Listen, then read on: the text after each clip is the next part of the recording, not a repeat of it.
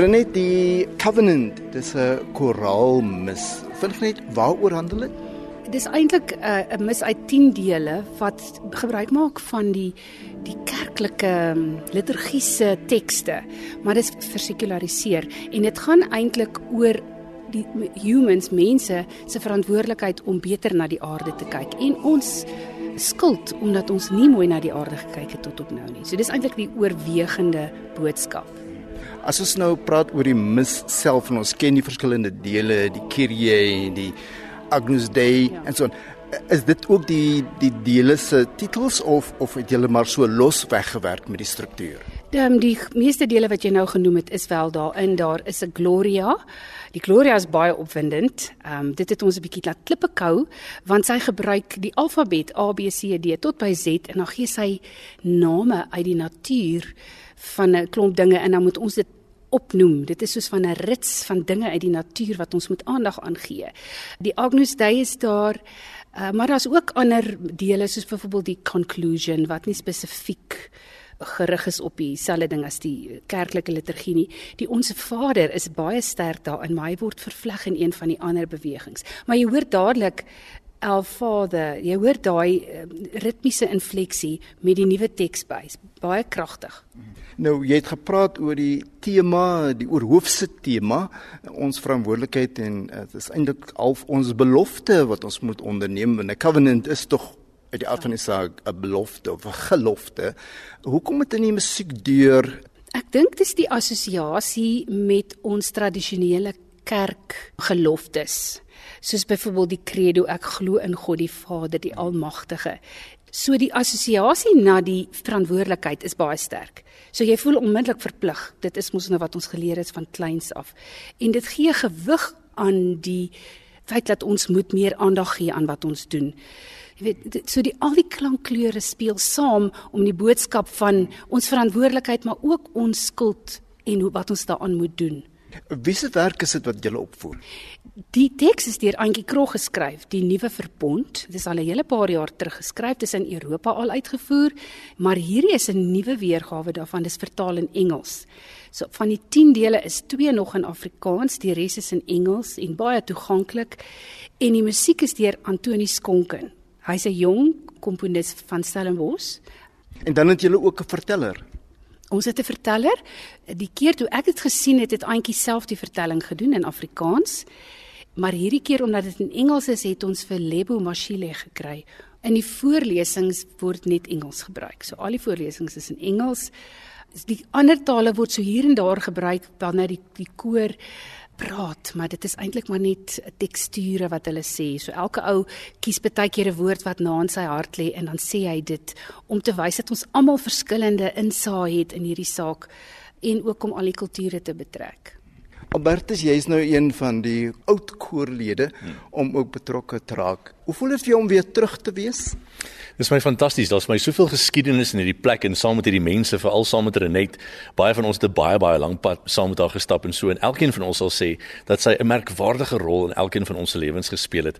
So die oomblik toe ek sien UJ gaan hierdie ding doen, ek gedink ek moet absoluut deel wees daarvan. Aangesien dit Renet se se laaste uitvoering gaan wees, het ek gesê ek moet absoluut deel wees hiervan. Want soos 'n mens hier deurstap, is daar soveel soveel herinneringe wat afspeel in jou kop van wat jy hier beleef het, beide met uitvoerings, met sosiale aksies met wat ook al is maar 'n kleurryke versameling van van herinneringe wat mense het, maar 'n mens moet dit doen en dis hoekom ek gedink het ek moet absoluut deel wees hiervan en inspring. En natuurlik is die musiek fenomenaal. Nou hierdie is 'n redelik anders te werk. Mense dalk baie keer gesien die koor tree op met tradisionele uitvoerings en dan is daar ook meer klassieke tipe van uitvoerings. Uh, hoe ervaar jy hierdie? Is dit vir jou baie nuut baie vars wat UJ en destyds se RAI koor um, spesifiek betref het ons die avant-garde werke van tyd tot tyd gedoen maar hierdie staan nogal vir my uit as iets wat nie jou tipiese koorstuk is nie in die sin dat hy hy het koorelemente en baie mooi harmonie en so. Maar daar spesifieke stukke waar daar so met klank gespeel word en so met woorde gespeel word dat dit jou op 'n ander manier aangryp. Renet en ek seker of van 'n paar van die koorlede sal ook vir jou sê van die alumni of van die UJ koorlede tans sal vir jou sê, maar daar kom stukke waar hierdie stuk jou net oorweldig met emosie. En is al hierdie verskillende teksture wat ewe skielik met jou hart praat wat fenomenaal is om van deel te wees. So dis dis 'n baie anderste stuk soos wat elke avant-garde tipe van stuk in my in my gedagte is, maar dit raak jou aan op maniere wat jy nie verwag nie. Dit oorweldig jou op oomblikke wat jy dit nie verwag nie. Ons gesels nou met Bongani, hy is ook een van die koorlede wat voorheen betrokke was, maar hy is nog steeds lid van die koor of hy terugkom om deel te wees van die koor. En Bongani, hoe voel jy oor hierdie ervaring? For me, it brings a lot of memories. Looking back, I even remember my first audition with Renette, you know, when she was testing my vocal range, uh, if I understand root notes, where, I'm, where I am on the scale, you know, and things like that. So it brings a lot of memories, especially once we, we used to do uh, voice warm ups. So for me, that was best, actually, you know, because it will tune your your your mind in in hearing notes and from from those days my my ears are never the same. En hierdie bepaalde werk So the one that I'm doing now, it, it, it's beautiful. I actually like the conclusion, uh, the piece that we're doing, the, the last piece conclusion. So it's very beautiful. The dynamics around the, the, the piece, I'm really enjoying it. En dan gesels ek met Sizwe, een van die nuwe hande. Is agter die skerm baie baie betrokke by die verskillende produksies. Dit is nou Renet se laaste professionele produksie waarby sy betrokke gaan wees en What is your emosies? It is bittersweet because she has given so much of herself through her career.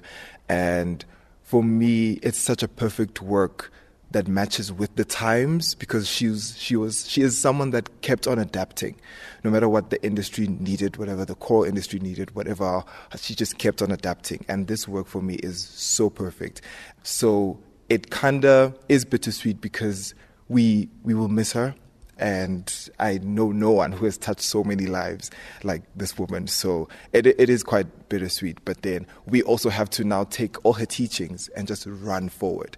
So for me, this is an instruction from her to take care of the music and each other because that's what she's taught us. And now going forward, I think that's those are the type of lessons we will go forward with. Mm-hmm. Renet, jy het nog gehoor wat die uh, koorlede gesê het, uh, sommige van hulle alumni, ander is nog steeds by die koor betrokke.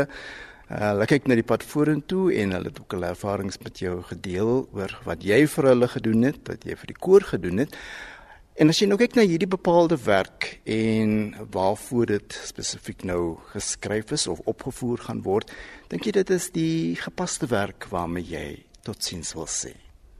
Ek dink dit is wel baie gepas. Sies hoe dit nou nog gesê, dit het nie dieselfde gebly nie. Ek was heeltyd gekonfronteer met nuwe realiteite. En ek het besef die enigste manier hoe mens die olifant eet is om met happie vir happie te eet.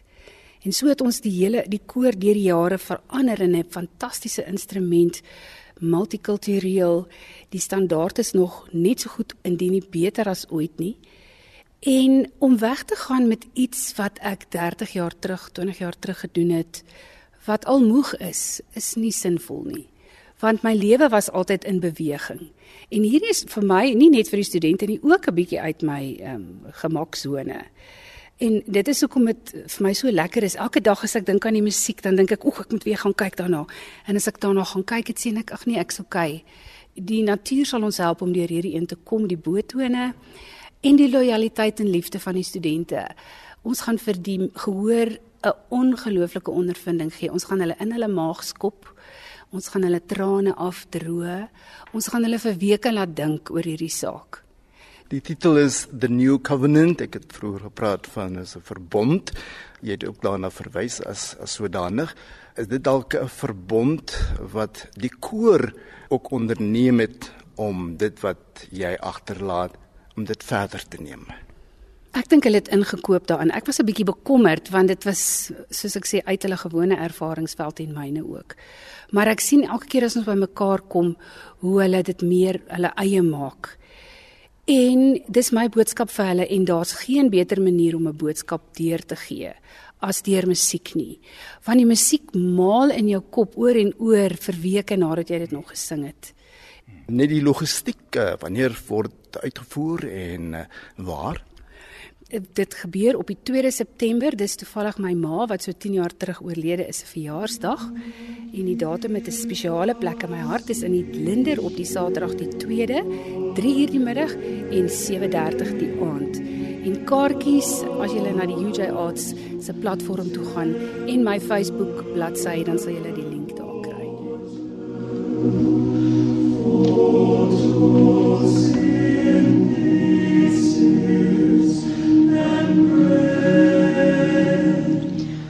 but our pollution thou cannot forgive, nor our abuse and destruction of each other.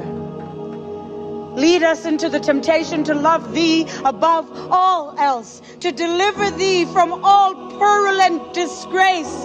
For thine is this place in the universe and its power, its abundance and delightful equilibrium forever and ever.